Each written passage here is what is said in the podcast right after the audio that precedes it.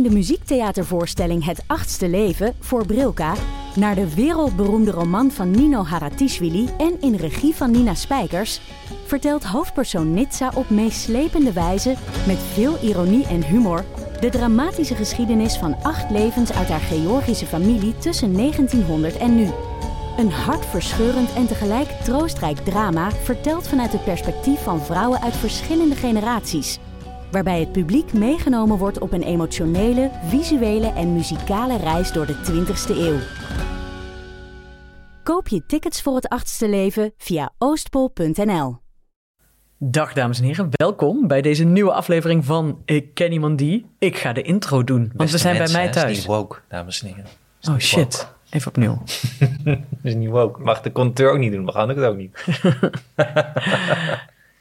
Beste ouders en of mensen die gewoon luisteren terwijl ze geen kinderen hebben, dat mag namelijk gewoon. Hm. Welkom bij een nieuwe aflevering van Ik ken iemand die. Ik mag de intro doen, want we zijn in Bergharen. Yay! Ja.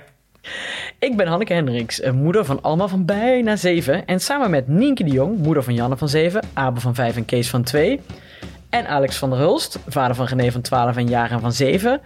En Anne Jansens, vader van Julius van 7 en Doenja van 4, maak ik Ik Ken Iemand Die. Een podcast over ouders, kinderen opvoeden en al het moois en lelijks dat daarbij komt kijken. En vandaag zijn we in Bergharen en hebben we een gast. En dat is Mirjam Meek, die het werkelijk fantastische boek schreef De Verwachting Voorbij. Laten we gauw gaan luisteren. En je hoort een boormachine op de achtergrond. En ik weet welke buurman het is en die is heel aardig. Dus we gaan het gewoon negeren. Ja, zeg.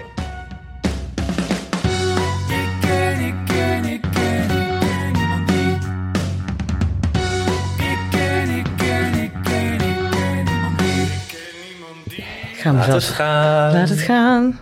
Ik laat het. Het roer moet om, ja dat moet. Mooi. Ik Ja, luister dat liedje denk ik tien Is keer dit per dag. intro? We zingen altijd even om in te komen, zingen we met elkaar Frozen. Ja. Ja. Ik ken hem ook wel. En de gast moet dan de solo. Ja, ja, dat is goed. Je hebt eh, een paar podcasts bij ons zien. Eerst de lachttrein, voordat ze beginnen. Ken je de lachttrein? Nee. Nee. Dat is heel erg. Wie doen dat? Of mag je dat niet zeggen? Nee, mag niet zeggen. Oh, ze schamen zich. Dat is ook gaan nog ze allemaal zo... Ha, ha, ha, ha, ha. En dan steeds harder lachen. Oh, dat is echt verschrikkelijk. Ja, maar wij zingen Frozen met Ja, elkaar. ja. Wil je meezingen? Zo zo'n... Ik heb ook nog de beste microfoon, toch? Ja, ja, ja. ja, ja. Horen We knippen ons er dan ook uit. Dat ja. houden we jou over. horen we ineens een auto wegscheuren.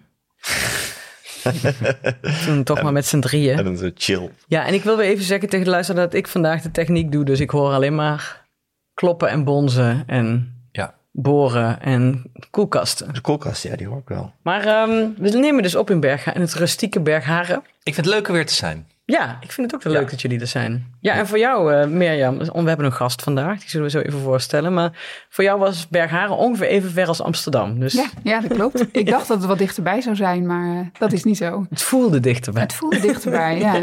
ja. En een makkelijke parkeren, dat vind ik wel altijd een heel groot voordeel. Ja, het is hier gewoon eh, hop voor de deur. Staan jullie op de oprit, jongens? Nee. Dat had het mogen, hè? Die is helemaal leeg, de oprit. Ja, ik voelde het toch Ja, maar soort- dat, ja, dat doe je niet zo Nee. snel, toch? Je gaat niet zo snel op iemands oprit staan. En de volgende keer mag je op de oprit. Ja? Ja. Maar dan komt Doris thuis en die parkeert hem naar achter. En dan Precies. moeten we Maar tegen hoe lang Doris, jullie- jij misschien even naar achter? Dan kan ik eruit. Hoe lang zijn jullie van plan om te blijven? nou, je had, je had lunch beloofd. Ja, En een borrelplank ja had je precies. beloofd. Dan komen weer die Ik heb mijn cornichons. agenda weer leeggeveegd voor de rest van, eh, van de komende twee dagen. Ja, we hebben eigenlijk ook nog de Bergharemse Dames Zwemclub vanmiddag. Dus jullie mogen Oh. ook mee gaan zwemmen als je Oké. wil. Nou. Zijn er logies er nog van Down Rabbit Hole? Niet Zijn- dat ik weet. Oh. Er staan wel nog twee fietsen in de tuin waarvan ik eigenlijk geen idee heb van wie die zijn. dus moet ik straks even nog gaan rondappen van wie. eh. Maar we hebben het allemaal overleefd. Er kan heb- zomaar een deur opengaan ergens, dat iemand heel Dat Maus, dat Maus uit de kruipruimte komt. Ja. Had je stormschade hier? Eh, ja, nee. Doris heeft zo'n zo'n leuk windmolentje. Wat- Weerstation. Wat een, nee, het weerstation is nog heel, maar Oh. ook een windmolen, best wel grote, met een lampje erop. Maar die is kapot gewaaid. Ah, Oh, heeft hij hard gewaaid? Ja, maar niet, volgens mij niet... eh, Niet op de Muidenberg. Nee, Nou, nee, bij joh. ons waren wel heel veel bomen omgewaaid. Heftig, Ja, hè? echt heel veel, ja. ja. Een vlinderstruik is omgewaaid. Och. Ja. En je lievelingsboom in Amsterdam? ja, die voor de ingang van de Hortus stond een hele oude Iep. Was het een Iep? Ik denk een Iep. Ja, een IEP, want eh, het is natuurlijk Hortus. Dus moet in, het Amsterdam moet in het Engels, die mededelingen. Ja, Dus gek, moest dat ik was wel een beetje stom, hè? Moest ik de heel, helemaal El- Elm in eh, Google elm. Translate gooien. Is Maar dat een IEP? Ja, een IEP, ja. Oh. Helm, ja. Nou goed. Hm. Ik kwam vroeger heel vaak in de Hortus. Ik woonde daar vlakbij in Amsterdam. Er stond een hele grote boom voor de deur. Oh, Die soort van de Hortus bewaakte. Die heeft het begeven gisteren. oh wat zonde. Ja. Een oude boom. Ja, Ja. 125 jaar of zo ongeveer. Mijn moeder vond die boom heel mooi. Oh. Ook nog eens. Nou goed. Maar mijn vlinderstruik is net zo belangrijk. Eh, ik heb hem geprobeerd te repareren met steen en touw. Om hij- terug, terug in het gat te duwen. Hij moest terug. Is gelukt. Ik was best trots op mezelf. Ik, had echt, ik was echt als buurman en buurman in mijn eentje aan de gang gisteren. Mijn buurvrouw keek van achter het raam. Hoofdschuddend of Ja, toeknikkend? Meneer, wat bent u toch allemaal aan het doen? Want ik moest ook haar tuin in en dan om de, over haar plantjes stappen om Ah. weer terug te, terug te krijgen. Maar het is gelukt. Echt, ik was trots op mezelf. Alleen je weet nog niet of hij het overleefd heeft. Nee, dat weet ik niet. Nee. Maar hij staat Nou, volgens mij kan een vlinderstruik best wel veel hebben. Anders kun je hem ook nog weer kort afknippen. Ja, ja. Maar niet nu toch? Nou, officieel moet het eerder, hè? Moet dat zeg maar in de maart of zo, eh, april. Ja, niet gedaan, Alex. Ja. De- dan kun je, toch, kun je het in het najaar weer doen? We hadden toch ooit een sponsor waarbij je dat kon opzoeken op de website? Ja, sprinkler. Sprinkler, ja. Hey, maar Nienke is er niet. Nee, die zit volgens mij nog steeds met Huub Stapel ergens in Friesland eh, een televisieprogramma op te nemen. kanen met Ik snapte eigenlijk helemaal niks meer van wat ze allemaal post. Het gaat over stukken taart die dan blijkbaar heel be- belangrijk zijn. Laatst was er een hele onbekende man die blijkbaar een van de god is in Friesland. Dat snapte ik ook niet, ja. Het was ik durfde echt- niet aan haar te vragen. Ik weet niet wat er allemaal gaande is. Ja, Nienke stuurde een foto waar ze op stond met een voor ons allemaal totaal onbekende man. Waarop stond ik kan vredig sterven. Ja. Oh. Waarvan we dachten, die moet dan wel bekend zijn. Ja, het is niet- waarschijnlijk geen vreemde die je dan zo tegenkomt. En Oh, toen ik ben he- heel blij dat jullie ook niet wisten wie Ja, en het toen was. heeft Nee, Doris totaal. heel lang gegoogeld. En toen uiteindelijk zei hij, dit is hem volgens mij. Dat was een Friese singer-songwriter. Ja, Oh. ja. Oké. Oké. Ja, een beetje de Frans Pollux. eh die ken je. ja, die Soms laat je dat soort dingen liggen, want dan denk ik, ik zou er weer raar zijn. Dat Zal ik niet weet liggen. of zo. Dan doe ik- weet je, ik laat het wel Ja. even gaan. Ik vind het jammer dat ik niet weet, maar ik durf niet te vragen. Heel blij dat je het ook niet wist. Ik denk dat ze terug verhuist naar Friesland Ik binnenkort. denk het ook, een want die taart, dat was ook, eh, het zal vast geen taart zijn, maar het was ook heel belangrijk. Ja. ja, je kunt een meisje wel uit Friesland halen, maar... Friesland, komt er vandaan. ja, Ja. Friesland niet uit het meisje. Een beetje zo enthousiast als Hanneke net over Venlo begon tegen jou. Ik licht ook helemaal op, hè, toen je Ja? zei dat Ja? je... Zou dat ook bij de leeftijd horen? ja, misschien wel. Ja, jij zei, laatst nog, naar, eh, jij zei laatst nog dat je eventueel terug wilde. Nee, dat heb ik nooit gezegd. Ik heb nooit gezegd, ik wil eventueel terug. Nee, ik zou daar echt niet meer zo snel gaan wonen in Venlo. Dan was het iets anders en dan maakte ik... Ja, nee, dat was We inderdaad komen zo. langzaam toch aan op jouw terrein over Ja. hechtingen en onthechtingen. Ja, hè? Zo is dat. Zullen we ook maar... Ja. Want Ga maar we beginnen. hebben wel eens gasten gehad die echt dachten van... Na waarom ben half ik uur- eigenlijk uitgenodigd? Na een half uur meegepraat hebben over non op je onderwerpen. Laten we nu maar eens... eh, eh, nee, want eh, we, hebben, we, zijn, ja, we hebben een gast, Mirjam Meek. En die heeft een eh, boek geschreven, De Verwachting Voorbij. En ik mailde jou omdat ik een stuk had gelezen in de krant over het, eh, eh, over het boek. En ik dacht meteen, dit is iets wat we ook in waar we het in deze podcast ook over moeten hebben. Omdat het gaat over, waar eigenlijk de halve de helft van deze podcast, wat mij betreft, over gaat, is over ehm, de illusie van de roze wolk, zeg maar. Ja, ik weet niet of ik het nou goed zeg. Dat, eh, dat mensen toch heel veel verwachten. Ja, over, eigenlijk over de verwachtingen van het ouderschap. Ja. Dat is nou precies ook de titel De natuurlijk. verwachting voorbij, ja. En in verwachting. En weet ik. En, ehm, Maar de verwachting en de realiteit daarna. ja, Wat ook voor jou belangrijk is en wat in het boek ook heel veel terugkomt. Ja. ja, want maar zullen we eens bij het begin beginnen? Want jij bent eh, van origine verloskundige. Ja, ja. Ehm, ik, eh, ben, ik heb tien jaar als verloskundige gewerkt. Eh, en eigenlijk heb ik toen tijdens mijn verloskunde heb psychologie gestudeerd. Eh, en Toen je al werkte als Ja, verloskundige. dat Ja, heb ik naast mijn werk gedaan. En eigenlijk tijdens het werken had ik al zoiets van... oh, ik wil die twee werelden verbinden. De verloskunde met de psychologie. Zijn, waren echt twee aparte werelden. En ja, mijn zinziens eh, moeten die samenwerken, zeg maar. En toen na mijn studie psychologie heb ik gedacht van... nou, daar wil ik mee verder. Ja, en in de psychologie moet je dan allemaal... eh, je hebt een, dan ben je basispsycholoog, dan moet je GZ-psycholoog worden. Dat duurt nog weer twee jaar. En dan klinisch psycholoog, psychotherapeut... als je ook de meer intensieve problematiek wil eh, behandelen. Eh, en dat heb ik gedaan. En toen ik klaar was, heb ik eigenlijk meteen gedacht... ik begin een eigen praktijk om die twee werelden samen te brengen. Dus de taal van de verloskunde en de taal van de eh, psycholoog, die spreek ik allebei. Want, dat, eh, want je, dat miste je gewoon toen je verloskundige was. Dat dat Ja. een makkelijke, dat dat een beetje zo één machine zou zijn. Ja, zo. absoluut. Ja, in de verloskunde, de verloskundige ziet natuurlijk eh, mensen heel lang, hè, zeg maar negen maanden. Dus die kunnen heel goed monitoren ook hoe het met iemand gaat. Maar wat er eigenlijk gebeurt is dat zes weken postpartum neemt de verloskundige afscheid. Ja, en dan begint het eigenlijk pas voor Ja. de jonge ouders. En daar houdt het een beetje op. Ja, En dat Voor vond ik heel je, zonde. in, in, één zin voor de leek, eh, voor mij dus. Een klinisch psycholoog, wat, is- wat doet een kli- klinisch psycholoog precies? Ja, een klinisch psycholoog eh, behandelt eh, ja, ehm, eh, in de specialistische GGZ, dus doet ingewikkelde eh, psychiatrie, psychologie behandelt hij. En de GZ-psycholoog behandelt de wat meer eh, ja, kortdurende, wat simpelere eh, eh, psychische klachten. Ja, de wat moeilijkere zaken. Ja. En die komen ook allemaal weer straks terug in je boek. Ja, Wat kwam jij veel van de eh, eh, problemen die je in het boek beschrijft, die je als psycholoog hebt, eh, bent tegengekomen? Zag je dat al als verloskundige of komt dat niet aan bod in, zo'n, in die gesprekken die je hebt als verloskundige met ja. ouders? Nou, dat vind ik, vind ik een interessante vraag. Ik denk dat ik het wel zag. Maar als verloskundige kijk je ook een beetje met een andere blik. Eh, dus ik zag het wel, maar eh, misschien labelde ik het niet zo zoals ik dat nu zou doen als psycholoog.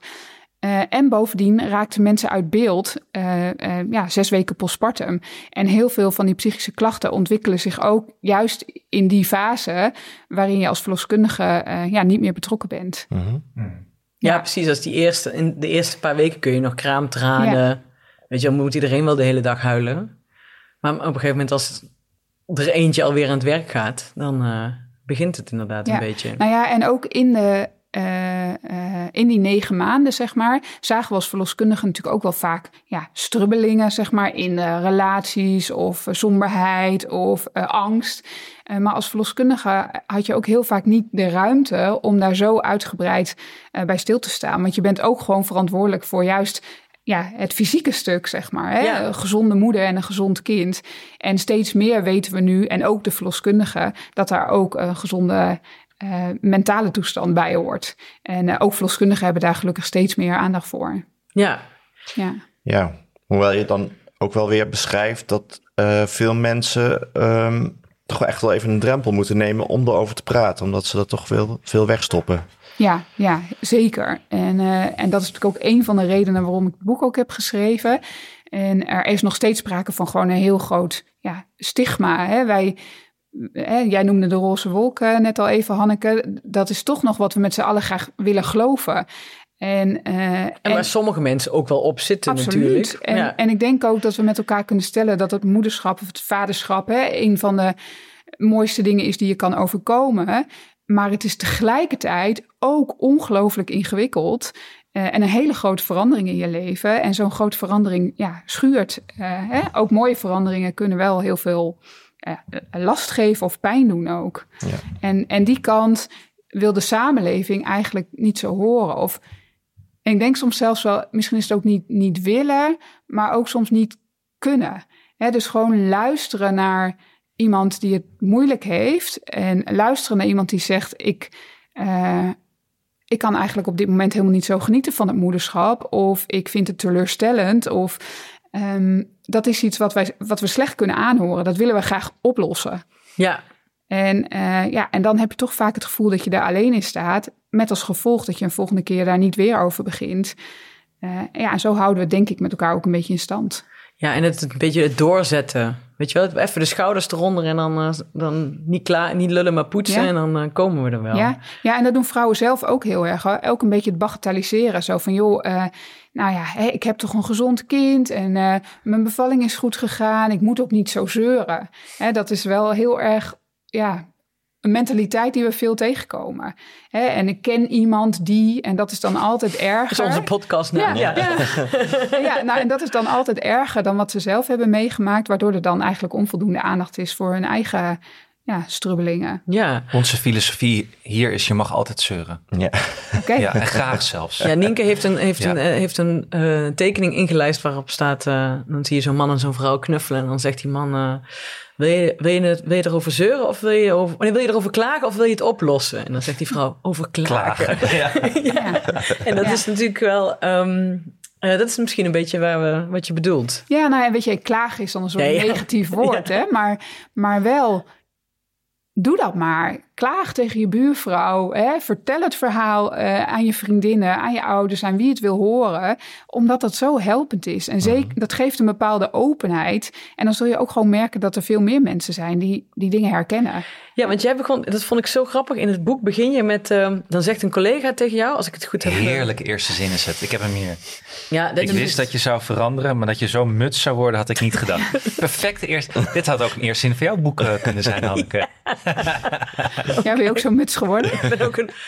Ja, nou, ik heb niet, me- maar het is een goede eerste zin. Ja. Dat is een hele goede eerste zin. Nee, ik heb me ook heel lang verzet tegen de muts. tegen het zijn. Maar uiteindelijk worden we inderdaad allemaal een muts. Ja, ja. Maar en toen, toen ehm, kun je ons de luisteraars meenemen vanaf die zin. En toen ineens kwam dat eigenlijk het idee voor dat, om het allemaal eens op te schrijven. Nou, dit, eh, deze zin, zeg maar, dat ik zo'n ongelooflijke muts zou worden, dat zei mijn, eerder, eh, ja, dat zei mijn collega eh, toen ik nog op de verloskamers werkte in Groningen. en zij is, nou, ik geloof 20 jaar ouder dan ik. Dus zij had het hele traject al doorlopen. en ik kwam terug van verlof. En ja, nou ja, ik was dus een muts geworden in haar ogen. Waarom was je muts En geworden? wat bedoelden ze met muts? Nou, ik, ehm, ik wilde eigenlijk een soort van alleen maar thuis zijn. Ik ging even werken en zo snel mogelijk weer naar huis. En als ik mijn kind naar de crash bracht, dan gaf ik er een briefje bij hoe laat hij alles moest. Ja, dat ging niemand natuurlijk lezen, maar ik, eh, ik vond dat wel nodig. En dus eh, ja, er werd echt iets anders. Dat werk kreeg een hele andere plek. En eh, ja, ik werd dus gewoon een beetje mutserig. eh. Terwijl daarvoor was werk misschien wel echt nummer één een beetje. Ja, ja. ik, ik- en nog steeds werk ik heel graag. Maar in die periode eh, ja, zat ik nog zo in die bubbel van dat moederschap. En ik weet ook nog dat ik dat heel lastig vond als ik dan ergens anders was. Bijvoorbeeld op mijn werk. Dat mensen niet aan mij konden zien dat ik moeder was. Dan wilde ik eigenlijk wel even iets zeggen. Zodat ze ook wisten dat ik een kind had. Zo, zei- ja, daar was ik heel erg mee bezig. Dus je had hebt- ben, ben een kolf, zeg maar, nonchalant om je nek in plaats van... Ja, of als ik dan in de winkel was, dat ik zei van... nee, ik moet nu naar huis, want ik moet zo eh, mijn zoontje... eh, nou ja, in ieder geval even hem noemen, zodat, ik weer, zodat ze Oh, wisten ja. dat, eh, dat hij er ook was. Schrijf je nog steeds die briefjes? Nou ja, nee, dat schrijf ik nu niet meer. Ik heb, het zijn inmiddels puberkinderen en eh, ik mag me vooral niet veel met hun bemoeien. Hoe, hoe oud zijn ze nu? 14, 17 en 19. Oh ja. En wilde je ook heel graag moeder worden of was dat niet zo? Ja, ik wilde wel heel graag moeder worden. En eh, dat is natuurlijk een vraag die me vaker wordt gesteld. En dat ik ook denk van, hoe stond ik zelf eigenlijk in dat moederschap? Welke verwachtingen had ik eigenlijk hè, toen, toen ik moeder werd? En ook ik, ondanks dat ik verloskundige was, ehm, was gewoon vol vertrouwen.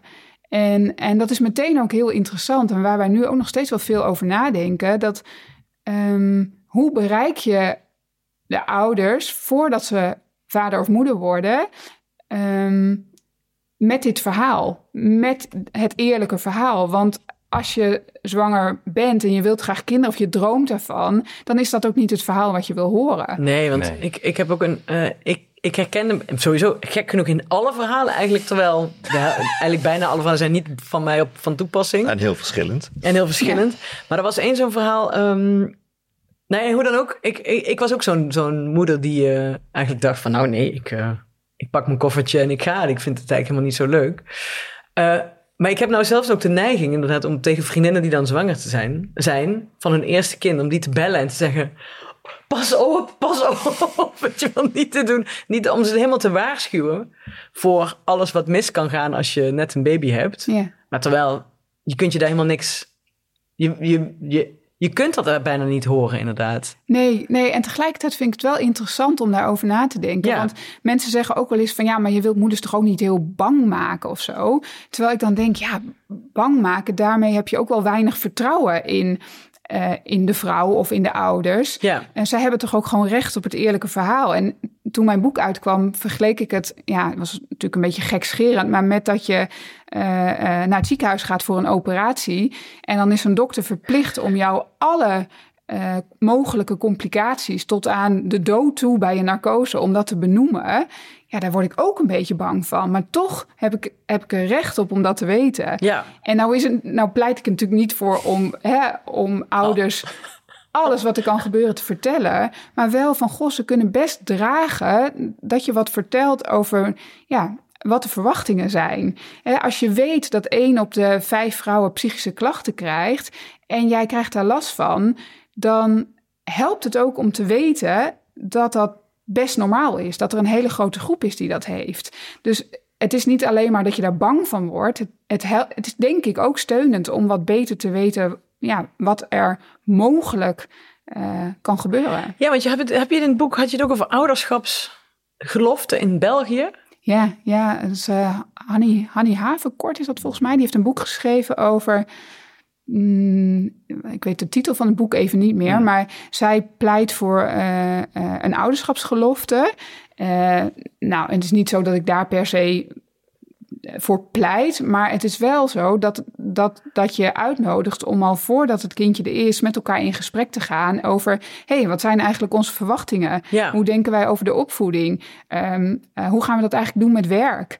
Ehm, hoe, hoe kijken wij eigenlijk naar het ouderschap? Hè? Dat je echt met elkaar die, die, dat bespreekt en daar eh, ja, over nadenkt. Dat is denk ik wel heel waardevol. Ja, want daar, daar gaat veel natuurlijk over dat, dat het zo veranderend is. hè, Op het moment dat je een kind krijgt, dat je leven op zijn kop wordt gezet. En als je zo'n ouderschapsgelofte maakt, dan erken je eigenlijk ook met elkaar van er gaat heel veel veranderen. ja. En, Want dat en dat wordt nog wel eens vergeten eigenlijk. Dat wordt in de gauwigheid, denk je daar niet echt over na. Sorry Hanneke, zit, Dat is ik, ik zit op de tafel te sluiten. Oeh, Hanneke is streng vandaag. Ja, heel erg. En da- daar is het ook eigenlijk voor bedoeld, toch? Om na te denken van, hé, hey, en bij elkaar te realiseren... het gaat nu anders lopen de Ja. komende tijd. Maar, maar Wat ook, gaan we doen? ook een groot dilemma wat je in het inleiding schrijft. Je wordt eigenlijk een ander persoon na de bevalling. En tegelijkertijd, Ja, dus Eh, je weet nog niet hoe anders het gaat worden ook. En hoe, zelf, Nee. hoe je zeer jezelf gaat je veranderen. maakt een beslissing voor die andere persoon die je straks bent. Ja. En eigenlijk zou je het liefst andersom willen. Dat je als andere persoon vooraf erop kon kijken en zeggen van... Ja, hier moet ik rekening mee houden. Ja. Maar dat Ja. is dat gedacht, zinnen aan. dat- Ja. Leuk. dat, eh, dat gedachte-experiment, waar je, eh, daar moeten we het zo ook even over hebben, waar je het over hebt eh, in het boek. Ehm, oh nee, laten we daar eerst maar mee beginnen. Met die, met die eh, dat je je hele leven in een zwart-witte kamer woont. Ja, ja nee, ja. want ik zit even, want jullie zeggen alle drie Ja. het anders, Ja, ja, ja. zeg maar. gaat Weet je, over ons probleem altijd. Nee, Laten we er nog iets bij gooien. Het gaat allemaal onthouden. Het gaat over de transitie Ja, we beginnen bij ouderschap. En eh, jij zegt inderdaad van, goh, er zijn allerlei veranderingen waardoor je eigenlijk een keuze maakt, maar je bent eigenlijk nog niet de persoon die je straks bent. En dan kom je eigenlijk bij dat experiment. Dus volgens mij mag, mag ik hem zo vanaf Ja, dat experiment zo. Eh, ik beschrijf inderdaad het experiment van ehm, eh, Paul. Dat is een filosoof eh, van lang geleden. En eh, die stelt eigenlijk, goh, stel je eens voor dat je eh, gelukkig bent, maar jij leeft in een zwart-witte wereld. Hè, dus als je dat eens voorstelt, dat je gewoon in een zwart-wit, alles is zwart en wit. En dan komt er iemand naar je toe en die zegt, wil jij de kleur rood zien? Ja, wat zeg je dan? Ja. Oh, Leuk, ja. ja, precies. Ja, welke overweging ga je dan maken? Waar, ik van, nou, ik ben nu gelukkig, Ik zou waarschijnlijk zeggen, nu even niet. nu even Ik niet. ben En even, ik ben even druk. Ik ben even druk. Eh, moe. Zit in zijn karakter. Eh, ja. Laat eerst maar iemand anders zien. Ja. Dan hoor ik wel. Jij gaat eerst even afkijken hoe Ja, het voor iemand anders is. Ja, laat me eerst even Alex zien. Als die ermee om kan gaan. Ja. Maar uiteindelijk heb je, ja, toen, ik bedoel, jij bent toch ook aan kinderen begonnen? Ja, misschien heeft iemand anders gezegd, hier heb je roze. Ja, maar ik wil het niet. Ja, Ja, waar. maar dus dan, hè, dan, dan maak je... Je hebt allerlei overwegingen om die keuze te maken, maar je weet niet hoe het is. Nee. Maar wat we wel weten, dat als je ervoor kiest om die kleur rood te gaan zien, dat zwart geen zwart meer is en wit niet meer wit. Want je hebt een, eh, een nieuw perspectief. Ja. Er is een kleur bijgekomen. En je kunt ook niet meer terug. Nee. En je kunt dan niet denken van, nou ja, doe toch maar dat ik dat niet heb gezien. Want je weet nu wat rood is. Ja. Dus het heeft je veranderd. Voor altijd. En daar leg ik de link, zeg maar, ook met het eh, ouderschap. Je, je kiest voor een kindje vanuit al je dromen, vanuit verwachtingen, vanuit Ehm, ehm, ja, misschien ook wel een illusie. Hè? De- En eh, op het moment dat jij moeder of vader bent geworden, eh, is alles anders. Ja. Is, je tot, is je perspectief veranderd. En dus inderdaad, wat jij zegt, alle beslissingen die je vooraf maakt, maak je voor een periode dat je eigenlijk een, ja, een transformatie hebt ondergaan. En ja, eigenlijk een beetje iemand anders bent. Hè? En, en tegelijk is dat ook weer een interessante vraag. Ben je dan iemand Mhm. anders? Hè? Dus, dus dat gaat ook een beetje over identiteit, zeg maar. Hè? Van, eh, eh, en in mijn boek schrijf ik daar ook wel een stukje over. Wat is dat dan eigenlijk, identiteit? En ja, het zijn eigenlijk allemaal rollen die je vervult in je leven. En er komt een rol van de vader of moeder komt erbij. Ja, dus met die balletdanseres. De... Ja, in dat verhaal Ja. leg ik dat uit. Ja, en dat, dat ehm, je krijgt dus eigenlijk andere rollen die belangrijk worden in je leven. Eh, waardoor ja, je identiteit als het ware ook wat verandert. Eh, maar ja, de kunst is natuurlijk ook om niet helemaal te verliezen welke rollen je ook had eh, voor het ouderschap. Dus, en, en om dan door te gaan naar die transitie, dat is echt. ehm, er wordt ook wel genoemd dat de transitie naar het ouderschap de grootste verandering is die je in je leven doormaakt. Ja, dus de, van geen kinderen naar één kind, zeg maar, is eigenlijk de grootste Ja. verandering die je samen, dus eh, individueel, maar ook als stel, eh, die je doormaakt. Eh, en ja, daar zijn we ons denk ik vaak niet voldoende bewust van. Nee. Nee, terwijl er ook nog wat, wat wel interessant is in deze, want ehm, je zou kunnen denken van oké, maar als je het eenmaal bent, dan eh, kun je al die verwachtingen loslaten bij een volgend kind. Maar je beschrijft ook veel gevallen waarin toch die verwachtingen er blijven zitten of sluimeren of ja, niet goed zijn opgelost. Dus het is niet zo dat het, als je een tweede kind krijgt, dat je, dan ben je die andere persoon, maar dat, je, dat het allemaal, allemaal op de rit is. Dan prik je en- Alex. Ja. Ja, dat die- Anneke is het Alex te prikken. Heb Alex probeert gewoon een volzin te maken. Daar heeft hij al genoeg Jullie moeite horen mee. niet wat ik, maar dan zegt hij net iets slims en dan moeten we dat er weer uitknippen. Maar ga door, ga door, ga door. Want het Het is is ook juist nog net- met een visfiletmes. Ja, inderdaad. Maar- Je wordt gewoon neergestoken hier. Nee, maar dus, dus die, eh, je beschrijft dus gevallen waarin dus, eh, nou ja, wat je ook net al zei, dat er iets gebeurt eh, in die, na die eerste bevalling wat eh, heel veel invloed heeft voor een tweede eventueel. Of de wens nou, voor een tweede. eh, kijk, we hadden het zo straks ook over dat we geneigd zijn om bepaalde klachten te bagatelliseren. Wat je dan soms ook ziet als je opnieuw zwanger wordt, dat dat een trigger is voor herinneringen vanuit die eerste periode. Zo staat er bijvoorbeeld een verhaal in het boek van een moeder die voor de tweede keer zwanger wordt. En eigenlijk dan helemaal in paniek raakt en een abortus overweegt. Ehm, die komt dan bij mij in zorg. En als we dat gaan onderzoeken, blijkt eigenlijk dat dit kindje wel welkom is, maar dat zij zich nooit meer zo naar wil voelen als postpartum, zeg maar, na de geboorte van haar eerste kind. Ja. En dan kunnen we eigenlijk ja, terugwerkend vaststellen dat ze toen een eh, postpartum depressie heeft doorgemaakt, die gewoon niet erkend is. Ehm, ehm, dus, dus ja, hè, dus door zo'n tweede zwangerschap kun je ook nog ja, terugkijken, dingen tegenkomen eh, van zo'n eerste zwangerschap. Of dat een zwangerschap of een bevalling bijvoorbeeld traumatisch is geweest de eerste keer. Eh, wat je tegenkomt als je opnieuw zwanger bent. Ehm, maar ook wat ik ook zie, en dat is niet specifiek voor de tweede, dat ook bij de eerste, maar niet alleen de relaties in je gezin veranderen, maar ook de relaties met belangrijke anderen daaromheen. Hè, dus je gaat ook anders naar de relatie met je ouders kijken.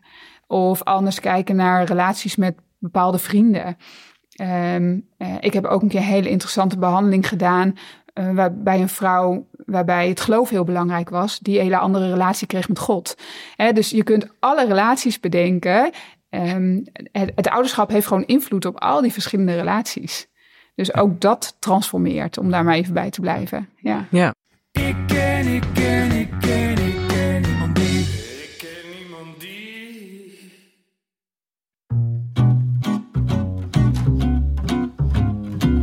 Een van de eerste films die ik eh, me kan herinneren... was een, eh, een film in het Filmhuis in Amsterdam. Wat toen nog in het Vondelpark, weet je wel, dat hele mooie grote gebouw. Ja, ja. En dat was een documentaire van iemand naar de Noordpool. Of naar de Zuidpool, dat weet ik eigenlijk niet meer. Nou, een pol. In ieder geval een pool. En, maar dat was nog dat er zeg maar, iemand piano bij aan het spelen was. Ja, dat ken ik. Ja. Hoe oud ben je eigenlijk? Nee, dat was... Dat was nog in de Roaring Twenties. ja, precies. Toen nog geen geluid bij film was. Ja, ja. Nou, ik neem het direct alweer terug. Maar goed. Daar moet je nu aan denken. Ik, daar moest ik ineens aan denken, want we worden gesponsord door Tini, Titina. Titina. Titina? Titina? Titina, het leuke, het de leuke, het leuke. van... eh, Titi Je weet- Assen. Nee, Titina, het Je leuke weet avontuurlijke nooit hoe ze het in Scandinavië uitspreken. Het is altijd anders dan je denkt. Ja, maar de, de, de regisseuse heet in elk geval eh Kajsa Nes. Ja, dat, zo spreken ze het Zo wel spreken we dat wel uit. uit. Ja. het gaat over een hondje En die gaat op ontdekkingsreis. naar de Noordpool. En Ja. daarom moest ik ineens denken van... hé, hey, ik ben ooit naar een film geweest waar iemand toen nog piano bij speelde... terwijl de film oh, bezig was. dan kunnen we een drosten-effect doen. Want nu gaan er dan kinderen, ouders voor het eerst met hun kinderen naar de film. Misschien wel. En dan is dat misschien wel Titina. En dan kunnen zij over 30 jaar zeggen... ik weet nog de eerste film waar ik was. Dat ging over een expeditie naar de Noordpool. Wat is de eerste film waar jij bent heen gegaan? Hector Malo, volgens mij. Hector van eh Hector van eh Urbanus. Urbanus. Sorry, het is echt Ja. waar.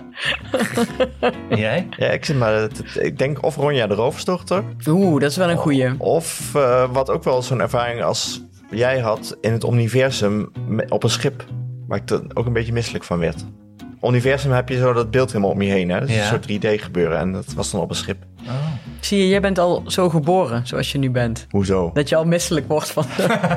Oeh, oeh, nee, dat is te... dus, wil je, wil je je kind graag een, eh, een goede film, eerste filmervaring... of tweede of derde of vierde filmervaring doen, eh, geven... Ga naar Titina. Tina. En de films is sowieso een goed zomervakantie uitje. Want als het heel warm is, zit je heerlijk in de bioscoop. Nooit super druk. Nooit super druk. En als het regent, ja, dan zit je ook goed in de Zit je bioscoop. droog. Zit je droog. Als en dan heb je een uitje. Ja. En wat Als- is er nou gezelliger dan dat je lekker in het donker zo... hè, kijk zo- Heerlijk. En je komt eruit, je hebt een soort tijdreis ondergaan. Je denkt, wat is er ook weer gebeurd? Ja, sowieso deze film is Ja, echt een hond te staan in een, eh, gaan. Ja, Ja. in een luchtschip. In een luchtschip. In een luchtschip en een avonturenfilm. Twee ontdekkingsreizigers gaan met een eh, hondje op pad. Vanaf zes jaar. Vanaf zes jaar, maar beste leeftijd is 8 tot 12. Soms Maar ik denk dat Ali daar wel prima Soms al heen kan. ook wel eens een beetje hoor. Dat ik eh, wat jaren eronder ga zitten en toch, toch naar binnen ga. Kim goed. Onder. Dat, eh, dat ik gewoon, eh, dat ze eh, twaalf moeten zijn dat ik met een tien. Dat, dat eh, toen ze tien waren, dat ik daar ook gewoon Ja, dat vind ik ook. Duurstellen. Living on the edge deze zomer. Ik heb, eh, ik heb eh, dat is wel leuk hoor. Dat is eh, eigenlijk niet voor je, maar ik heb wel eens die eh, documentaire over Robert Downey Jr. en zijn vader gezien. Die werd echt, eh, Robert Downey Jr. werd door de raarste films meegetrokken door zijn vader. Toen hij als eh, kleuter nog was. Nou goed, het is ook niet goed met hem afgelopen. Nee, ik, Misschien is ik het geen zag goed laatst eh, eh, foto's van Drew Barrymore... die met haar moeder mee werd genomen naar alle nachtclubs... toen zij nog Ja. eh, zes of acht was... en daar lekker aan de drugs was en roken. Nou, Dat, raden we niet aan. dat willen we niet voor onze nee, kinderen. Ga dat gewoon naar een Noorse jeugdfilm. Dat is beter. Titina. Titina De hele dus. zomer gewoon lekker in je, in je, in je arthouse. In je arthouse. Met Mm. eh, chips. Of taart. Ik ken, ik ken, ik ken, ik ken niemand die. Ik ken niemand die. Oké, jongens. Mijn lievelingsdingen om te doen zijn... Eten. Eten, film kijken en Slapen. Slapen. Ze noemen jou ook wel Hanneke Douvet. Hanneke Douvet. ik ben echt in staat. Ik, ik dacht nog, ik moet eigenlijk gewoon even zelf een mail sturen naar Emma. Om te vragen of ze voor altijd onze sponsor willen zijn. In ieder geval voor jou. Voor mij. Voor de rest van je leven. Oh, want ik sta. Ja, we hebben nu een vier seizoenen dekbed van Emma. En het is echt. eh, nou, van Snurkenstein elke nacht. Maar je hebt niet twee lagen erop, toch? Nu één laagje. Nu hebben we één, Eén laag erop. ja. Eén laag erop. Maar je bent maar wel iemand van de extra laag altijd. Ik ben wel van. maar Doris is meer van de, van de koel slapen. En ik ben van de warm slapen. Maar wel één laag. Maar wel één. Nou ja, ik ben ook van de, de, de, de vier seizoenen dekbedden. Dus in twee hoezen, zodat je twee, Oh, wel twee slim. lagen hebt. Twee dekens. Ja, dus dat je er ook nog s'nachts één af kunt gooien als je wil. Ah, dat doe je een hoop. Ja, ik doe wel een hoop voor mijn slaap, ja. Maar we hebben maar meer gezien in het boek van eh, Mirjam hoe belangrijk slaap is.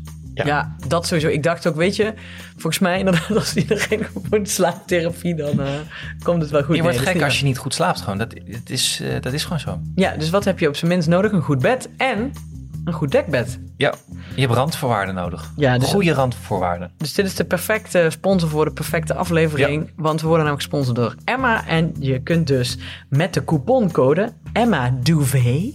Dus dat moet je ook zo. Duvet. Aan elkaar. Aan elkaar. M-M-A-D-U-V-E-T. E-dubbel-M-A. Zeg ik het weer verkeerd? Mhm. Je zei weer MMA. Wat, wat wel leuk is voor, eh voor eh, Marloes Koenen, maar het gaat over slapen. E-M-A. Ja. D-U-V-E-T. Duvet. Emma Duvet? Duvet. Duvet. Duvet. En dan eh, krijg je korting op een eh, vier seizoenen Emma dekbed. En naar welke site gaan we dan? Dan gaan we naar emma-sleep.nl. Sleep. Sleep. Emma Sleep. Emma Sleep. Ik kan er niet meer van maken, Nee, ik kan er niet meer van maken. Nee. Zeg je dat s'avonds ook wel eens? Dat je, dat je doorsport en zeg je van Snurkenstein. Van snurkenstijd. S'nachts wel eens. Maak hem wel eens wakker. Hé, hey, ik lig lekker te slapen. Hoe is het? Slaap je lekker? slaap je, slaap je. Dat ik zo'n vrouw ben. Hé, hey, hey, slaap je? Slaap je? Ja, nu niet meer. Zo. Maar doe je dat echt? Nee, nee. Nee, ja. Nee. S- Snurk jij? Snurk jij? Ik denk Eh, dat je wel knort. Knorren. Ja. Ja, volgens mij doe ik wel veel... eh, Dat soort... eh, gewoon een Waarom beetje- denk je dat Hanneke knort? Ja, ik lijkt me echt een knorder in een slaap. Hoe gaat een, wat doet een knor daar? Omdat ik wel eens knor als ik lach. Ja. Waarom denk je dat? Ja, ja, ja. Ha. En vast, je lacht vast wel eens in je dromen. L- Lachen, ja. En rennen ook. Rennen, lachen en gna zeggen. Dus, lieve mensen, ga naar emma-sleep, sleep, dus .nl. Eh, en ga naar het, zoek het vier seizoenen dekbed. eh, en die couponcode is E E-M-A D-U-V-E-T. En ga heerlijk van Knorrestein. Van Knorrestein. Terug naar de aflevering.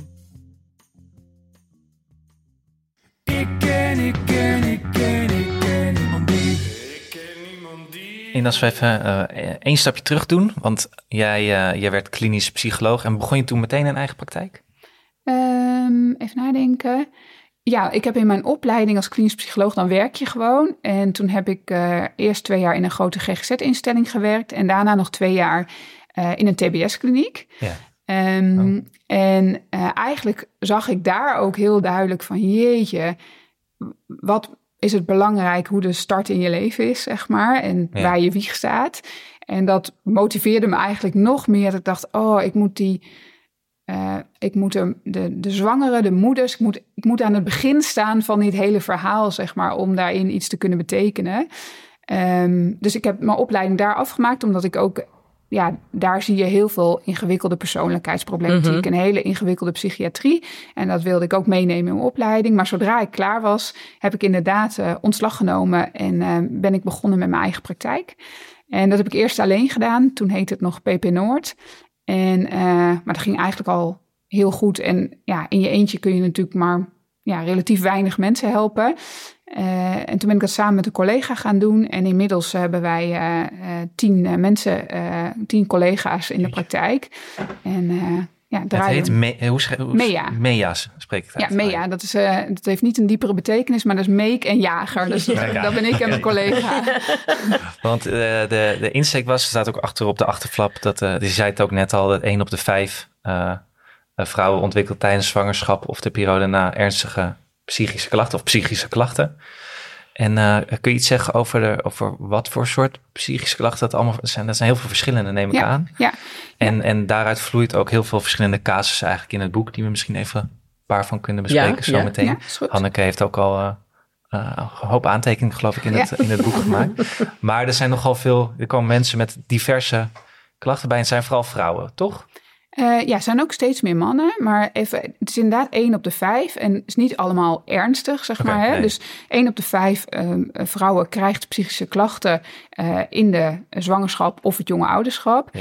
En eh, als je dan kijkt, je kunt er op twee manieren naar kijken. Je kunt kijken welke diagnoses hè, eh, stellen we vaak. Ja, dan gaat het vooral om depressie, angst, trauma, dus eh, posttraumatische stressstoornis heet dat dan officieel, eh, en relatieproblemen. Dat zijn denk ik de dingen die we het meeste eh, zien. Maar ehm, wij willen eigenlijk helemaal niet zo stoornis vanuit een stoornis denken, maar veel meer vanuit de problematiek die we tegenkomen. En dat is eigenlijk veel breder. En dat gaat over ehm, eenzaamheid, neerslachtigheid, angst, schaamte, schuld. Eh, rouw, hè, rouw en verlies komt ook heel veel voor, ook in het, eh, ook in het boek. Ja. Eh, onzekerheid, eh, nou ja, dat soort thema's. eh, perfectionisme Ja. zijn dingen die we heel veel zien. Ja. En dat zijn dan dat zijn vaak thema's die heel erg door het zwangerschap of door het beginnend moederschap heel erg worden aangewakkerd of groter worden gemaakt. Nou, ik weet niet per se of het dan wordt aangewakkerd. Maar ehm, eh, ja, je kijkt als het ware natuurlijk in een soort van spiegel. Dus je komt gewoon heel veel dingen van jezelf tegen.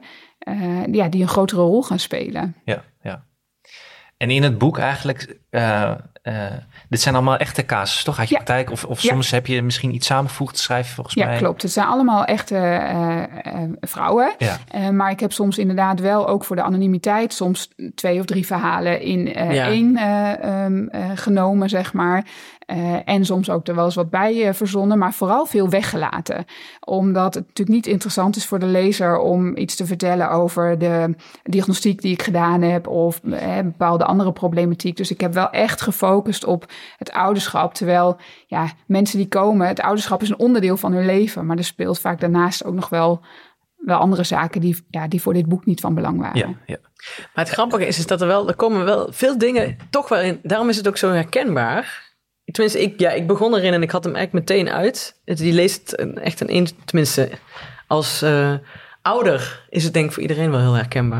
Nou, het is soms een beetje ook als een soort eh, detective of Dr. Ja, House of hoe zo. zit maar het nu? Jij probeert een ingewikkelde kwestie te, te diagnosticeren en analyseren en een oplossing voor te bedenken. Dat gaat altijd mooi stapsgewijs. Dus Ja. je, je wordt ook meegenomen van, Ja, wat zou hier aan de hand zijn? ook omdat mensen wel met een behoorlijk harnas binnenkomen vaak. Ja. Tenminste, het, Daar moet je doorheen proberen Ja. te komen altijd. Maar wat Ja. steeds bijna bij iedereen terugkomt, is inderdaad dat, dat verwachtingspatroon. Wat er iemand dwars zit. Of tenminste, wat bij de meesten terugkomt. En wat ik op een gegeven moment schreef ik op, gewoon de term. ehm, ik ben een, bijvoorbeeld, hier heb ik zo'n zinnetje opgeschreven. Ik ben een goede moeder als Elo niet huilt. Oh ja. En dat is nu uit één, eh, één van de verhalen. Maar toen dacht ik, dat komt vaker voor in die verhalen. Weet je wel, ik ben een goede moeder als ik maar, als ik dit maar allemaal doe, Ja. dit maar allemaal afvink, dan eh, komt alles goed. Dus dat is dat controle waar je het ook eh, Ja. over hebt. Ja, dat, dat, eh, we hebben denk ik allemaal bewust of onbewust wel een beeld van wat een goede moeder behoort te zijn. Ja. Eh, Oh ja, want je zegt in het begin van het boek ook toevallig, ja. ja, maar die bestaat niet. hè? Ja, en de vaders, eh, het gaat ook wel over vaders, maar in dit boek toevallig richt je je gewoon echt vooral op de, alleen op de moeders. Ja, ja, Ja. maar ik heb wel in mijn hoofd om misschien nog een deel 2 te schrijven Ja, over vaders. moet je doen. Maar goed, ga door. Maar goed, ehm, eh, dus hè, we hebben allemaal een soort beeld in ons hoofd van de ideale moeder. En eh, die ideale moeder bestaat niet. Dus dat is, eh, je staat meteen 3-0 achter, want dat, gaan we, dat, dat, dat lukt ons niet. Had jij dat beeld ook met die briefjes die je in de tas deed? Dat je dacht Eh, dat je daarmee bezig was? Nou ja, ik, ik weet niet of dat per se een goede moeder, ehm, eh, maar het was wel controle. ik wilde alles onder controle houden en, eh, en dacht ook dat ik dat zelf het allerbeste kon. Ehm, eh, dus controle is zeker iets wat ik herken. En, en dat zien we dus ook bij heel veel moeders. Dus ook zo'n beeld, eh, je wilt daar aan vasthouden. Dat geeft ook een soort houvast. Een soort eh, ja, controle willen hebben is ook een soort ja, copingstrategie. Daardoor, dat geeft de illusie van, van, van veiligheid, zeg maar. Hè. Maar als dat dan niet lukt, dan voelt dat ook vaak als falen. Hè, dus dus ehm, eh, veel vrouwen inderdaad ervaren dat als falen. En als je dan de zin die jij net opleest, wat ik, ik moet nu ook denken aan een andere cliënt van mij. ehm, als een kindje huilt, dan horen ze bij wijze van spreken dat dat huilen zegt van je doet het niet goed. Ja. Ik, ik ben nu niet gelukkig en jij moet dat oplossen. En als jij dat niet kan, dan doe jij dus iets niet goed. Ja, Eh, dus dat triggert vaak heel erg eh, ja, dat gevoel van falen.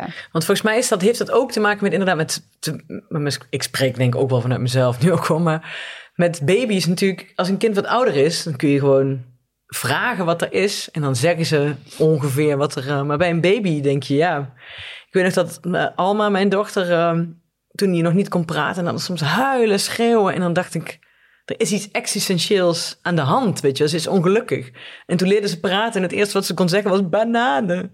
Weet je wel? Toen dacht ik, oh, ze wil gewoon een banaan.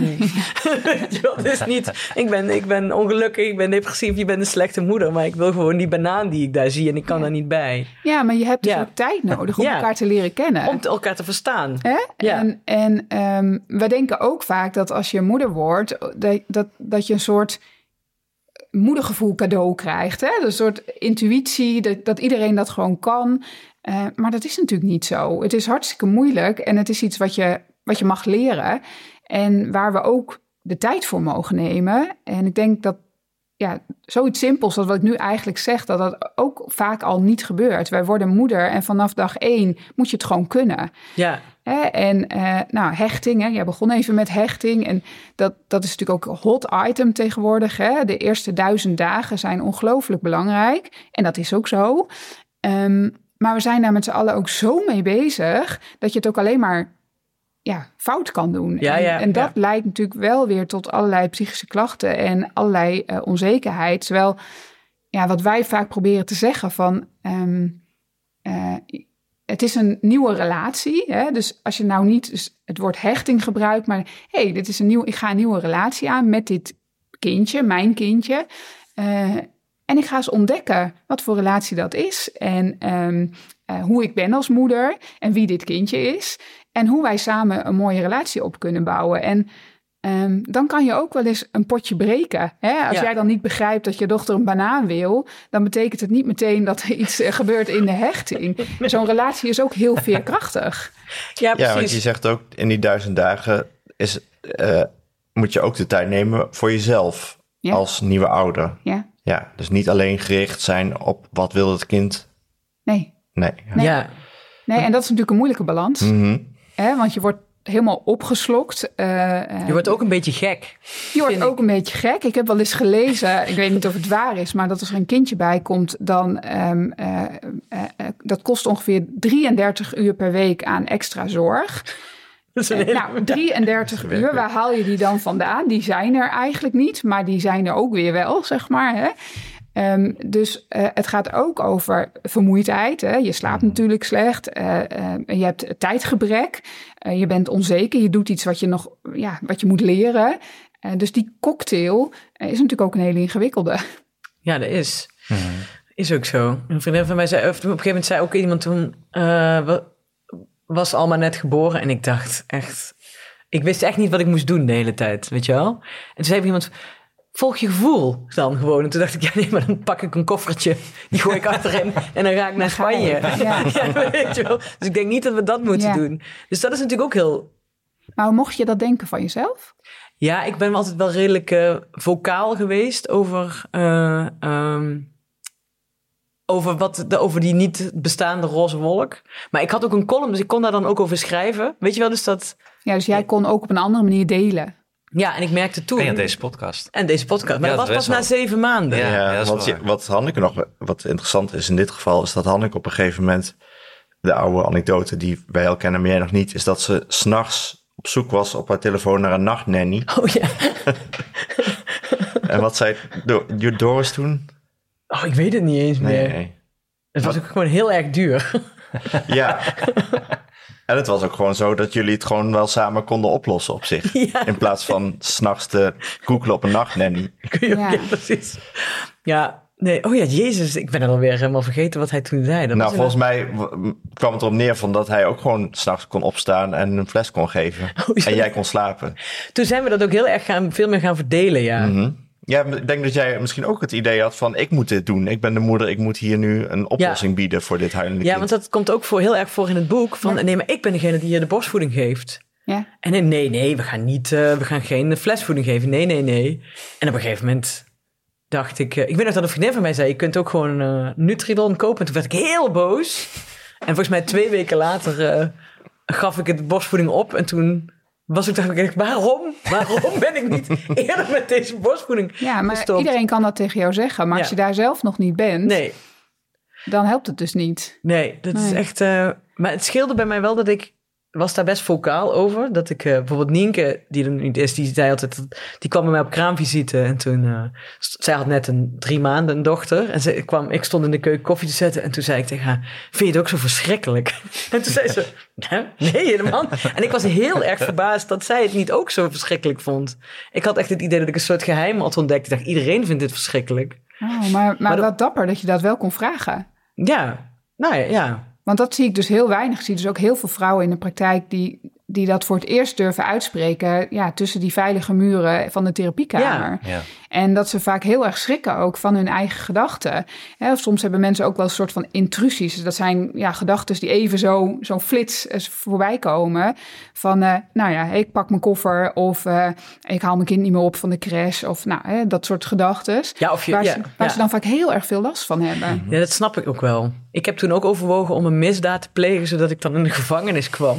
Dat ik dan alleen, dat was geen grap, niet als grap in mijn hoofd, maar dat ik dan denk, oh, dan zit ik alleen in zo'n kamertje. Dan doet iemand s'nachts de deur dicht en dan Ja. niemand, niemand eh, vraagt me iets ja, maar zo'n zo'n zo'n droom of zo'n gedachte, daar zit natuurlijk heel erg een verlangen achter. Ja, Hè, en dat verlangen is natuurlijk ook rust en een klein beetje eigen, eigen ruimte. Hè, en ehm, het is ook de kunst hoe je dat kunt creëren. Want als jij dat verhaal net vertelt over je, die zoektocht in de nacht naar een eh, nanny, dan gaat het dus eigenlijk ook heel, heel erg over de taakverdeling. ja. Eh, en dat, dat is ook een interessante. En dat is altijd een beetje glad ijs. Maar dat ik ook altijd denk van... eh, hoe ver zijn we eigenlijk in onze emancipatie? En ehm, ehm, eh, bijvoorbeeld een vraag... Hè, zei, dat, dat, dat zei ik geloof ik ook in dat artikel in de NRC... van eh, eh, aan welke kant van het bed staat de co-sleeper? Ja, ja dat Nou- vond ik ook een hele goeie. Want toen dacht ik, ja, die stond aan mijn kant inderdaad. Ja, maar heb je dat bedacht? Heb je dat overlegd? Heb je daar samen over nagedacht? Nee. En het erg was dat ik wel vaak,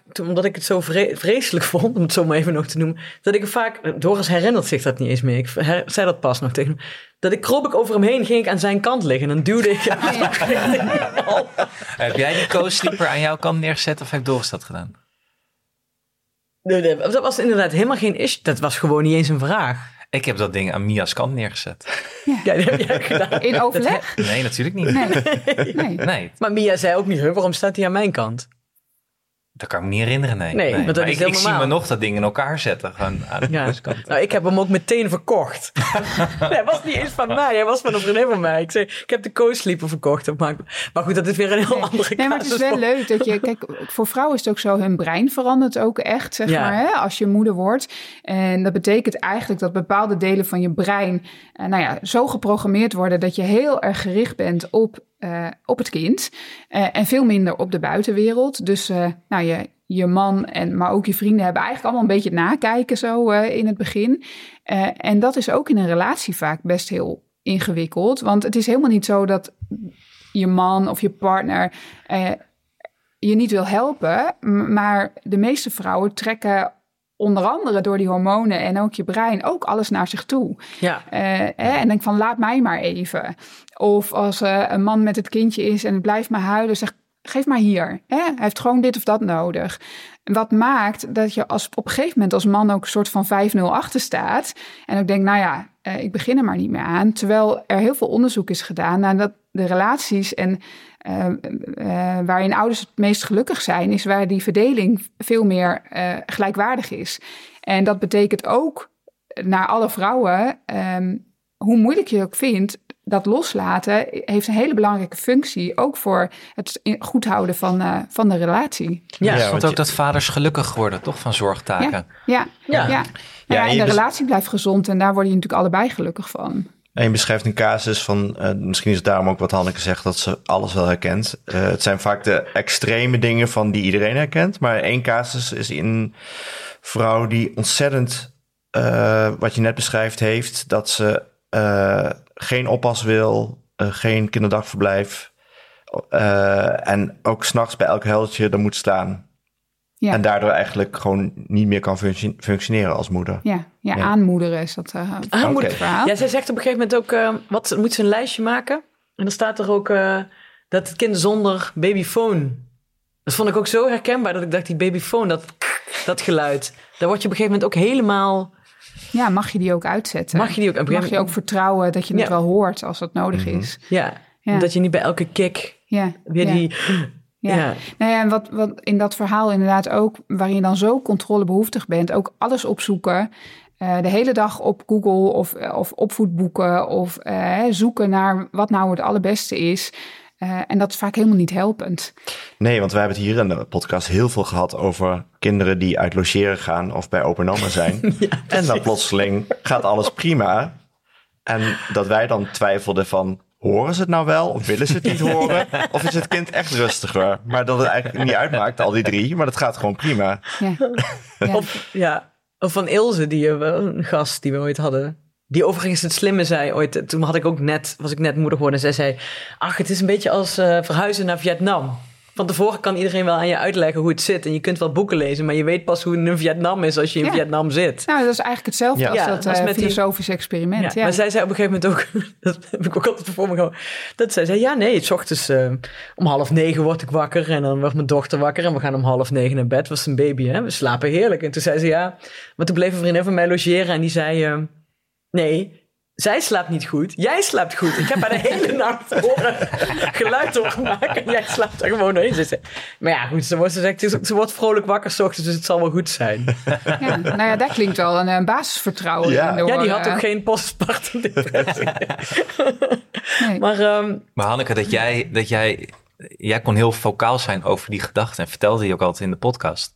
Maar volgens mij heeft dat wel heel veel mensen geholpen. Veel luisteraars hebben er veel Ja. aan gehad. Maar bij de supermarkt al, als ik dan zei, eh, als ik kwam ik iemand tegen, hoe vind je het? Ik zei, nou, dan stond ik dan met die baby. Ik zeg, ik vind er geen fuck aan. Ja. Maar En dan we, zeiden ze, oh, ik, Maar we hadden heel veel team Hanneke in het begin. Heel Ja. veel luisteraars, die waren volgens mij, was het heel eh, behulpzaam. waar we het toen niet over mensen. hebben gehad, wat eh, dus wel nu veel in het boek staat. Wat eh, waren jouw verwachtingen vooraf eigenlijk? Misschien ook terugkijken dat je denkt, eh, ik had ze misschien wel en ik heb ze toen nooit zo eh, toegelaten. Mm, ja, ik dacht ook van, eh, oh, dat doe ik er wel even bij. Hmm. En ik had niet verwacht, achteraf, dat eh, lees je ook wel in veel verhalen in het boek, van in hoeverre, in hoeverre je het, ver, hoeverre, ehm ehm, wacht even. Nou, je had ook een ingewikkeld traject natuurlijk om eh, uiteindelijk zwanger te worden. Ja, het duurde lang. En dat duurde heel lang en dat ging met horten en stoten de hele tijd. En dat je dan ook heel erg gewend bent geraakt aan, bent geraakt aan je eigen leven. Dat je helemaal kunt in, indelen zoals je zelf wil. Ja, want eh, ik doe het er wel even bij, betekent dat je iets vasthoudt. Ja, dat je dus ik blijkbaar niet kon vasthouden. Ik was gewend om het tegen Doris te zeggen: hey, oh, ik ga morgen drie weken naar Berlijn. Ah. Maar heb je dan helemaal niet gedacht, ja, jij dacht, dit kan erbij. Toen dacht ik: oh, dan doe ik dat niet. Dat vind ik helemaal niet erg om dat niet te doen. Maar dat vond je misschien dus wel erg. Vond ik heel erg. Ah, oké. Ja, en ja, dat, maar dat- dit gaat dan ook over verlies, hè? ja, verlies. Ja, precies. Dat, ik herkende me heel erg in dat verhaal van die eh, ballerina. Dat je dan ineens denkt: ja, maar ik, Wat gebeurt in het verhaal van de ballerina? Ja, die, die- dat, daar gaat het ook over een bepaalde... Ja, het, is, het verhaal lijkt helemaal niet op mijn verhaal, maar de gevoelens daarachter vond ik wel... eh, dat je... eh, je, hebt een, je, je meet jezelf een bepaalde identiteit aan die ook wel aan werk verbonden is. Heel erg. Mhm. En dan is er een kind en dan ineens is dat helemaal niet meer... Ja, ja, ik kan het bijna niet uitleggen. Je moet eigenlijk boek gewoon lezen. Nou, in het verhaal van de Ja. ballerina, dat gaat, dat gaat echt specifiek over spijt. Ja, sp- Eh, ja precies. eh, eh, spijtdansen heet dat verhaal. Ehm, en dat is een vrouw die heel bewust kiest voor een kindje. eh, oh, heeft een goede relatie. en dat kindje is geboren. En ja, ze vindt het gewoon niet leuk. En, ze is heel erg zoekende daarin. Ze doet heel erg haar best. Ze vindt haar kindje ook hartstikke lief. Dat, dat- maar ze mist gewoon haar oude leven. En zij heeft er gewoon heel veel voor op moeten geven. Eh, ze kan niet meer die eh, balletdanseres zijn eh, die ze graag wilde zijn. En ze was aan het promoveren. Dat lukte eigenlijk ook niet meer om dat af te maken. Want ze werd heel erg in beslag genomen eigenlijk door de zorg. Ehm, en ze had daar heel veel last van. Van die gevoelens van spijt. Maar wat daarin ook gebeurde, is dat ze eigenlijk ook steeds meer ga- gingen zien van hé, hey, maar ik mis ook, eh, ik mis dansen. Ik mis ook, eh, ehm, eh, hoe kan ik mij uiten? Hoe, Mhm. hoe kan ik dat spijt ook handen en voeten geven? Eh, eh, ja, en dat is eigenlijk de worsteling die ik in dat hoofdstuk eh, beschrijf. Ja, want spijt is wel, denk ik, ja, dat, eh, ehm, dat had ik ook heel erg, ja. Is er een manier om. eh, nee, je moet het eerst weten. Maar als je het eenmaal weet, om afscheid te nemen van je oude leven.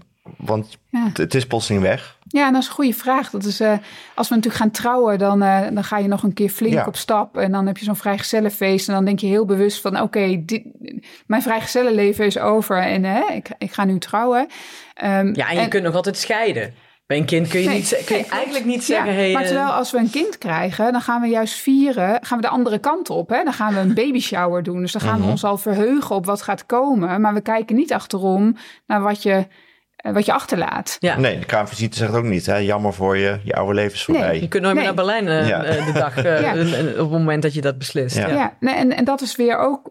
Eh, eh, de kraamvisite vraagt dat niet, omdat ze dat ook niet zo goed kunnen horen. Zij willen graag met jou vieren hoe Mhm. geweldig het is dat je nu ouder bent geworden. Terwijl het ook helemaal niet gek is om stil te staan bij ja, wat je ook verliest. En kijk, als je beseft wat je verliest, kun je ook gaan nadenken. Maar wat daarvan wil ik graag behouden? Waar, Mhm. waar wil ik ook mijn best voor doen? Ja, als jij zegt van ja, die drie weken naar Berlijn, die zijn echt ongelooflijk belangrijk voor mij. Dan gaat het er ook over van hé, hey, hoe richt ik dan mijn leven in? Ehm, Ja, zodat dat misschien mogelijk is. Of, of, of kan ik dat in stukjes hakken? Of hoe kan ik dat Dit, is, doen? dit is precies hoe dat is gegaan, ja. Dat Doris op een gegeven moment zei, ja, maar dan moet je dat regelen, zei hij. En toen dacht ik, oké. Dus toen... Zit ze een weekend in Friesland?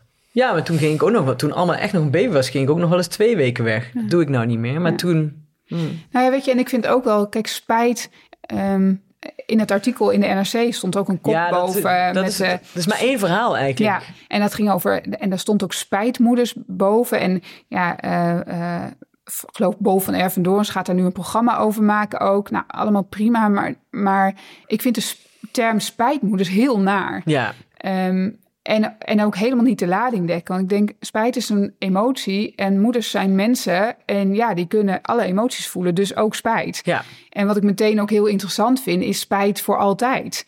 Kun je het ook een bepaalde fase gewoon niet leuk vinden? Ja, is dat dan spijt? Hè? Ja, dus, dus Terwijl het veel meer rouw is, wat je vaker beschrijft. ja, ik denk dat het heel Denk erg rauw is. Ja. En er zijn natuurlijk, er is wel een handjevol moeders die echt denken van als ik dit over had kunnen doen, had ik het misschien niet zo gedaan. Maar die kunnen dat ook niet meer zo denken, want het gaat niet meer over iemand, het gaat over hun kind, waar ze vaak wel heel veel van houden. Hè, dus dat is, dat is een ontzettend grote eh, worsteling.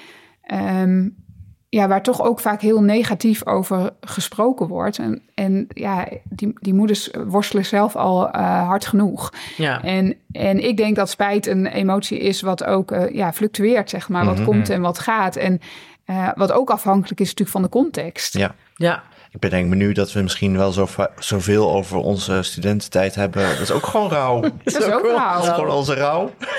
Maar dat is natuurlijk wel een heel erg ehm, eh, overkoepelend thema in Ja. heel veel verhalen. Dat heel veel verlies zie je ook niet. Hè? Er staat ook een verhaal in over een moeder die ehm, haar kindje verliest. Dat is hoe we rouw kennen en vaak rouw labelen.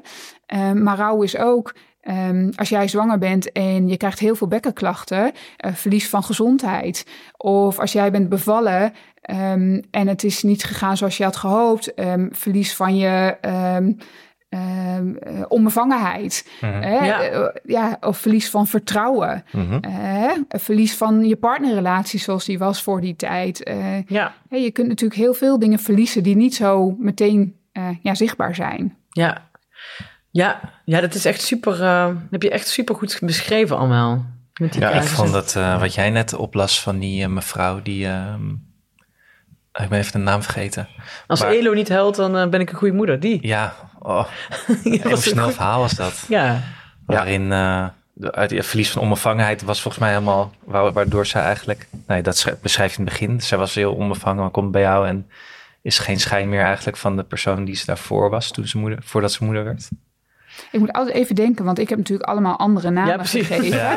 Nou ja, zij, zij, de- zij slaapt met haar hoofd verkeerd op mijn bed. Oh ja, en ja, zij die- kijkt elke nacht naar de deur Ja. van de kinderkamer. En slaapt niet omdat ze vindt dat ze op het moment dat het eerste kikje wordt gegeven... Mhm. eigenlijk er direct voor haar kind Ja. moet zijn. Want als het kind huilt, heeft zij, heeft zij gefaald als moeder. Ja. Dat is haar heel erg Ja. emotie. Ja, en daar zit een heel verdrietig verhaal achter. Ontzettend verdrietig verhaal zit achter. Wat jij op een gegeven moment in een, in een bijzin ergens hoort... en pas later bedenkt van, oh, wacht eens even. Ja, ja, Wat iemand toen tussen neus en lippen door ja. vertelde aan mij, daar zit de pijn. Dat, is- Ja. dat ze misbruikt is vroeger. ja, deze vrouw is inderdaad vroeger misbruikt. En dat is nooit een, een issue geweest in haar leven.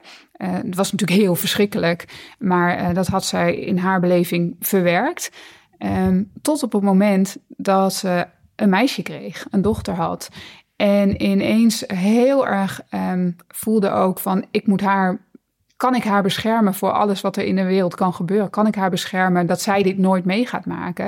En toen kwam ze eigenlijk dus heel erg bij haar eigen ja, eh, verleden uit. Eh, eh, Ehm, en dat moesten we dus ook behandelen om in het nu ook te gaan leren van eh, hoe kan ik op een andere manier omgaan eh, met de zorg voor mijn dochter? Hoe kan ik dat vertrouwen herstellen? En, ja, dit gaat dan over traumabehandeling. Ja. Ja. Ja, ik vond het ook wel mooi hoe je beschreef eh, en hoe jij dan ook te werk gaat. Want jij zit ook als een soort, later nog na die gesprekken, als een soort detective na te denken. Wat is er eigenlijk gebeurd? En wat heeft iemand mij verteld en waar moet ik me op richten? Ja, nou Dat ja, soms wat anders misschien dan wat mensen aan je vragen. Ja, nou, in dit verhaal was ook heel erg zij, zoals zij ook zelf keek naar dat misbruik, was het inderdaad, vertelde ze me dat ook in een soort van bijzinnetje. Ja, en toen En- gebeurde dit en toen Hè, gebeurde en dat. in de, Ja. in, dan is het natuurlijk altijd in de waan van zo'n gesprek. ehm, eh, wat, wij, wat wij als psychologen denk ik heel veel doen, is vertragen. Hè, dus, dus als jij me dit zo zou vertellen, dan kun je daar ook zo overheen praten. Want dat is wat zij haar hele leven al deed. Maar door echt stil te gaan staan, en soms in het gesprek zelf, maar in dit geval ook, moest ik daar zelf ook even over nadenken. Mhm. En daar dan op terugkomen. En denk ik van, hé, hey, maar volgens mij is dat iets heel belangrijks. Laten we dat eens onderzoeken. Ja. Eh, en eh, wij weten het ook niet altijd allemaal, maar juist door ja, het tempo te vertragen, stil te gaan staan, vragen te stellen, ja, ontdekten we dat dat eh, de angel was. Ja, Maar ik vond het mooi opgeschreven dat ook als lezer je dan bedenkt, oh daarom keek ze elke minuut van de nacht naar die kinderkamer, Ja. zodat haar kindje maar niks zou overkomen, Ja. zoals bij haar was gebeurd. ja, Het zit dan toch in je, in je dat, ja, dat zit dan in je systeemgebouws. En dat, Nou, be- Komt naar het boven wordt, zodra eh, je- Het wordt bewapenen volgens Ja. mij komt er veel voor Ja. in, dit, eh, in dit stuk. ja.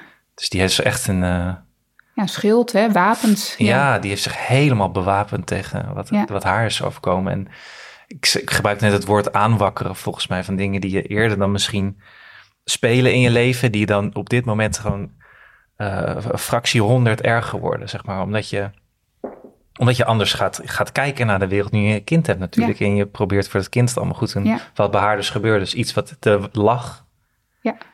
werd honderd keer groter voor haar. Ja, ja en, en dat is.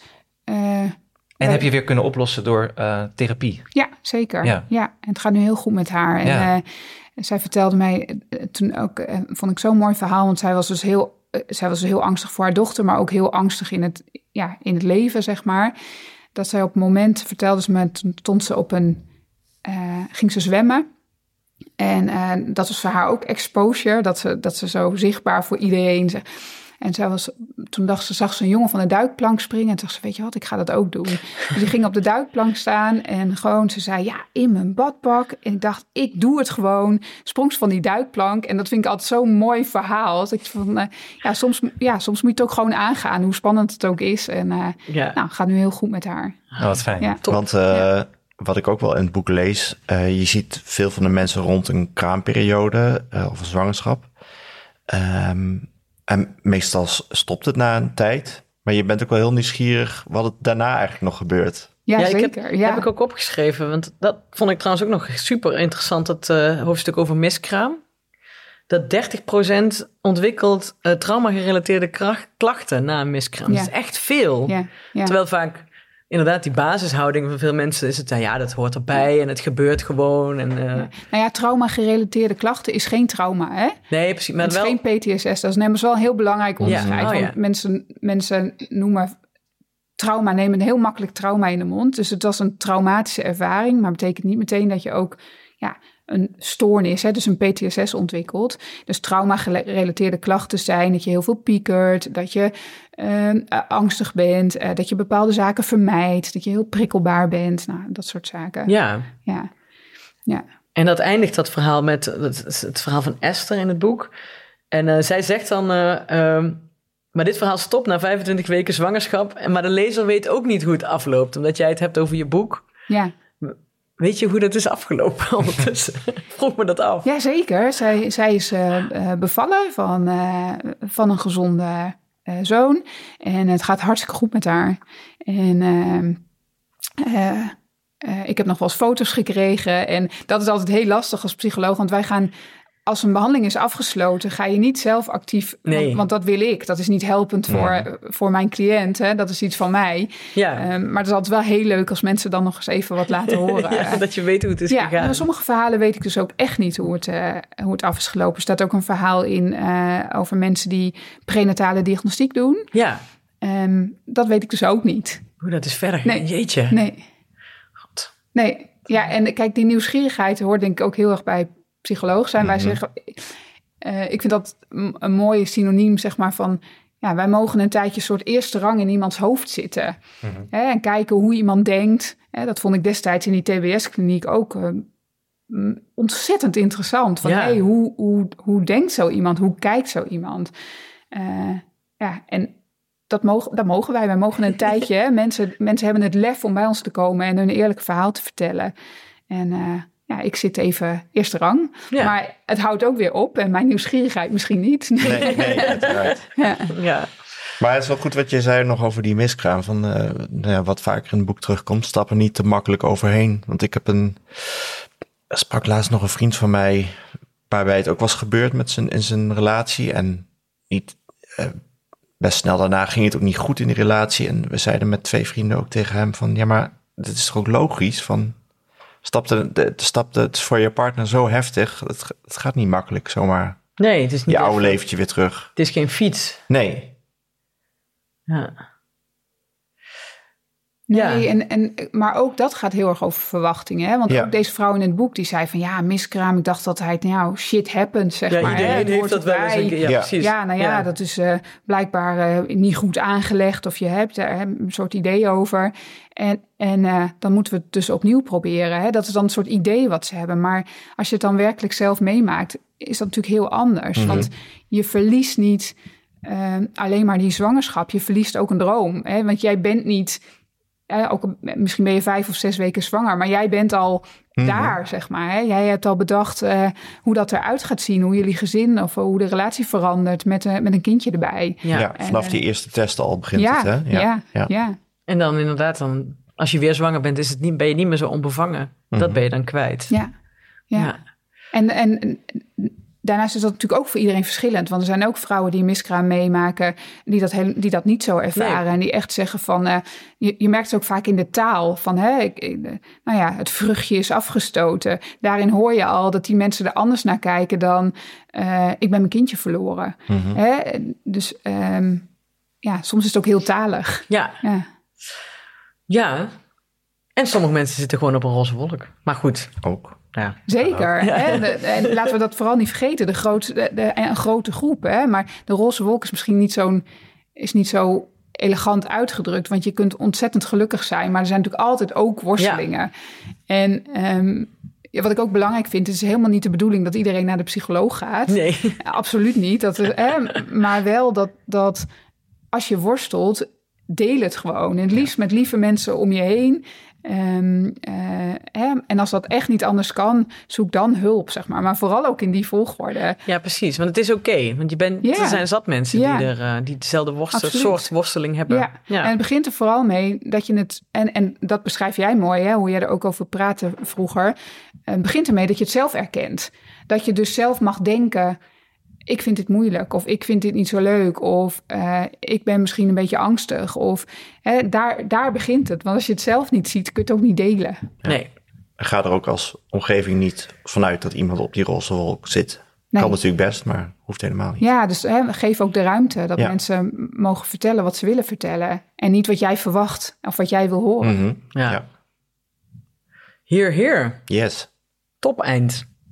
Zeker. Of willen jullie nog iets zeggen? Nee. Wil jij nog iets zeggen? Ehm, nou, nee, denk ik. Ik vond het een leuk gesprek. Kunnen we gaan lunchen? Helemaal honger, ja. Hey Mirjam, super, super bedankt. En ik zie echt uit, en ik denk de, de heren hier aan tafel ook, eh, naar deel 2. Ja. Ja, over, ja, over de ik- vaders, ja. Ja, Ja, nou, dan laatste vraag Ja. dan nog even. Wat Ja, dat ja, wil ja. ik eigenlijk nog wel weten met die vaders dan. nou, dus ik ook, Kun je- wilde ook nog wel wat over ja, vertellen. Kun je, kun je iets vertellen over wat het verschil... Ja, dan moeten we even ergens inplakken misschien. Ja, die kan wel voor, vlak voordat ik zeg, eh, eh, nou, was een top eind. Ja, precies. Kun je, kun je tot slot nog even iets zeggen over de vaders? ja. Want er komen wel vaders bij je. Ja, steeds meer ook. Ja. En daar zien we wel een verandering in. Wat we wel vaak zien is dat de, dat de vrouw zich vaak aanmeldt. En dan komt de man. Wij proberen eigenlijk altijd wel de man een keer uit te nodigen, sowieso. Omdat het natuurlijk gaat over een systeem. Ja. En dan zien we steeds vaker dat de man ook zegt: Ja, maar ik heb eigenlijk ook wel wat nodig. Dus de groep mannen in onze praktijk wordt wel steeds groter. En ja, er is ook steeds meer bewustwording. Want ja, ehm, we hebben het over de transitie, maar die is voor de man natuurlijk net zo groot. Ja, Maar wat wel een groot verschil is, is eh, hoe ze de transitie doormaken. En vooral ook welke copingstrategieën eh, mannen hanteren als je het naast vrouwen legt. Hè. Als je bijvoorbeeld naar eh, somberheid of angst kijkt, we zien vaak dat mannen ehm, heel hard gaan werken. Of ehm, eh, prikkelbaarheid wordt vaak een beetje, ja, het klinkt wat negatief, maar wat meer agressief. Hè? Dus ze, worden wat bozer. En ik wil niet alle mannen over één kam scheren, hè? maar dat is wel Nee, wat tot we nu toe is meer zien. Ja. Eh, of eh, zich verliezen in ehm, eh, meer alcohol drinken of drugsgebruik. Of heel hard gaan rijden op de snelweg, zeg maar. Of, hè, dus, ehm, ehm, en dan herkennen we het vaak niet als somberheid of angst. Dus we moeten ook wel iets anders kijken. Maar dat, dat is wel somberheid en angst vaak. Ja, ja, ja. En eh, ja, want ik vroeg me af, zijn dan...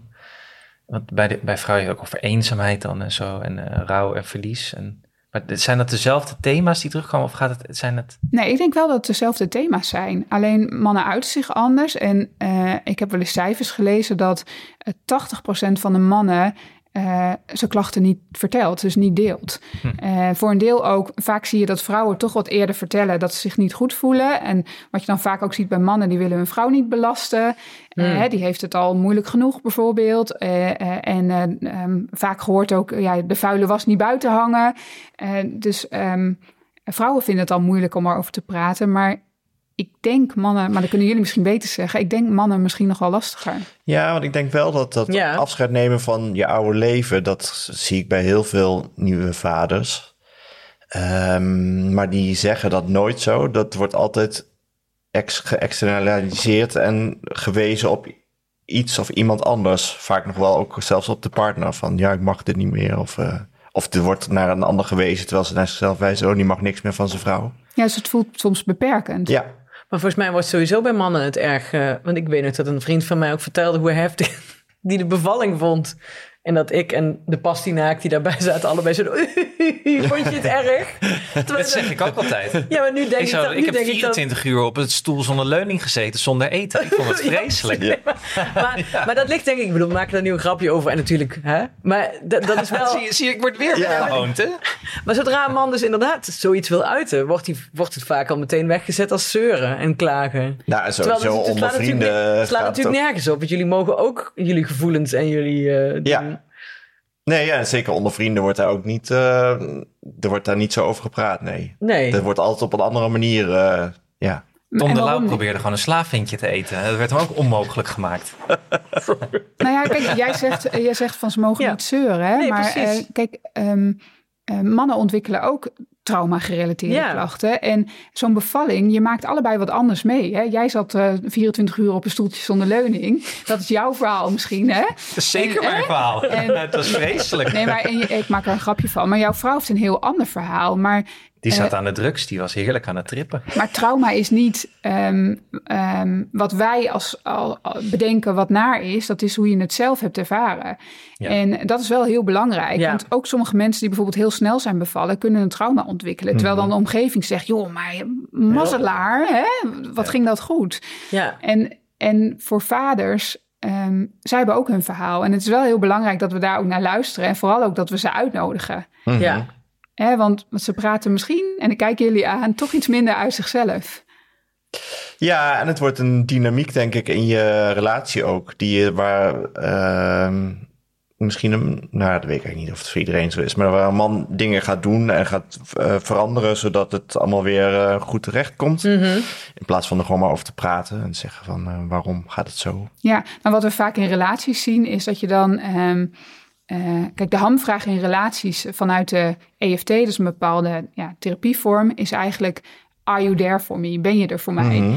En, en wat we heel vaak zien in relaties, dat dan vaak in dit geval de vrouw een soort aanklamper wordt. Hè, dus een probleem agendeert, de zeurkous is, zeg maar.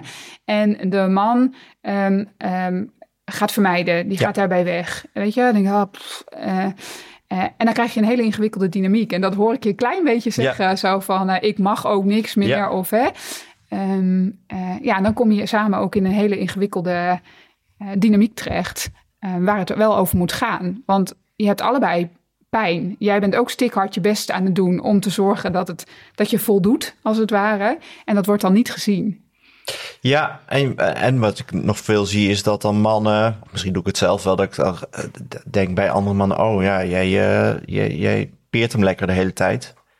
Misschien ben je een beetje uit jaloezie. Maar wat jij nu zegt is, je zou ook in zo'n geval kunnen zeggen, in plaats van iemand te veroordelen op de achtergrond, kunnen zeggen van, hé, wat is er aan de hand bij jullie? Of eh, mocht je daar iets van willen zeggen tegen een ander? Ja, zeker. zeker. En- Dus ik zou daar graag een, eh, eh, een boek over willen schrijven. En eh, ook weer vanuit mijn nieuwsgierigheid. Ja. En jij begon ook met de vraag, wat is er anders? En dat kunnen we natuurlijk ook het beste aan de vader zelf vragen. Ja. Dus Ja, Ik het volgt. Nou, ik ben teken benieuwd. vast in. Ja, toch? zeker. En dan moet je maar weer komen Ja. vertellen. Graag. Ja. Nou, En als je Alex als casus nodig hebt, dan is dat denk ik wel, wel goed ook voor Alex. Of als jij, ik jij mag vertellen over je stoeltje. Precies, ja, stoeltje. Nee, flauw. Want bij een vorige eh, podcast zat je bijna in de nekklem door je verhaal over je stoeltje. Dat is wel waar, ja. Het was een kooivechter die ook bevallen was. Een vrouw dus. schoenen. Ja, Ja. Ja, ja, die wilde me aanvallen. En terecht. We maken dit steeds En terecht. Nee, kom. Eh, nee, perfect. Dankjewel, we gaan lunchen. Met cornichons. Oh, de borrelplank, hè? Ja, ik ga hem even maken. Ik hoop dat we niet weer geprikt worden. Ehm, nog één keer, eh, Ja. plug even het boek, Hanneke. Eh, sowieso gewoon kopen en eh, twee kopen, eentje weggeven. Ja. Want door toeval heb Zo ik dat nu dat. al gedaan. Eh, de verwachting voorbij van Mirjam Meek. Uitgekomen bij Thomas Rap. Eh topboek. Ja, hier. Jullie kunnen het zien. Mijn, e- mijn exemplaar ziet er ook ontzettend gelezen uit. Ik heb zelfs echt was staan vouwen terwijl ik het boek zo vast had. Gewoon omdat ik niet kon, niet kon wegleggen. En bij de karateles. En bij de karate... Ja, precies. Toen eh, was ik er ook al in bezig. Ehm, dus koop dat boek. Koop het boek. Dankjewel. Dankjewel. Dankjewel. Ik durf niet op stop te drukken. Ik ga op stop drukken.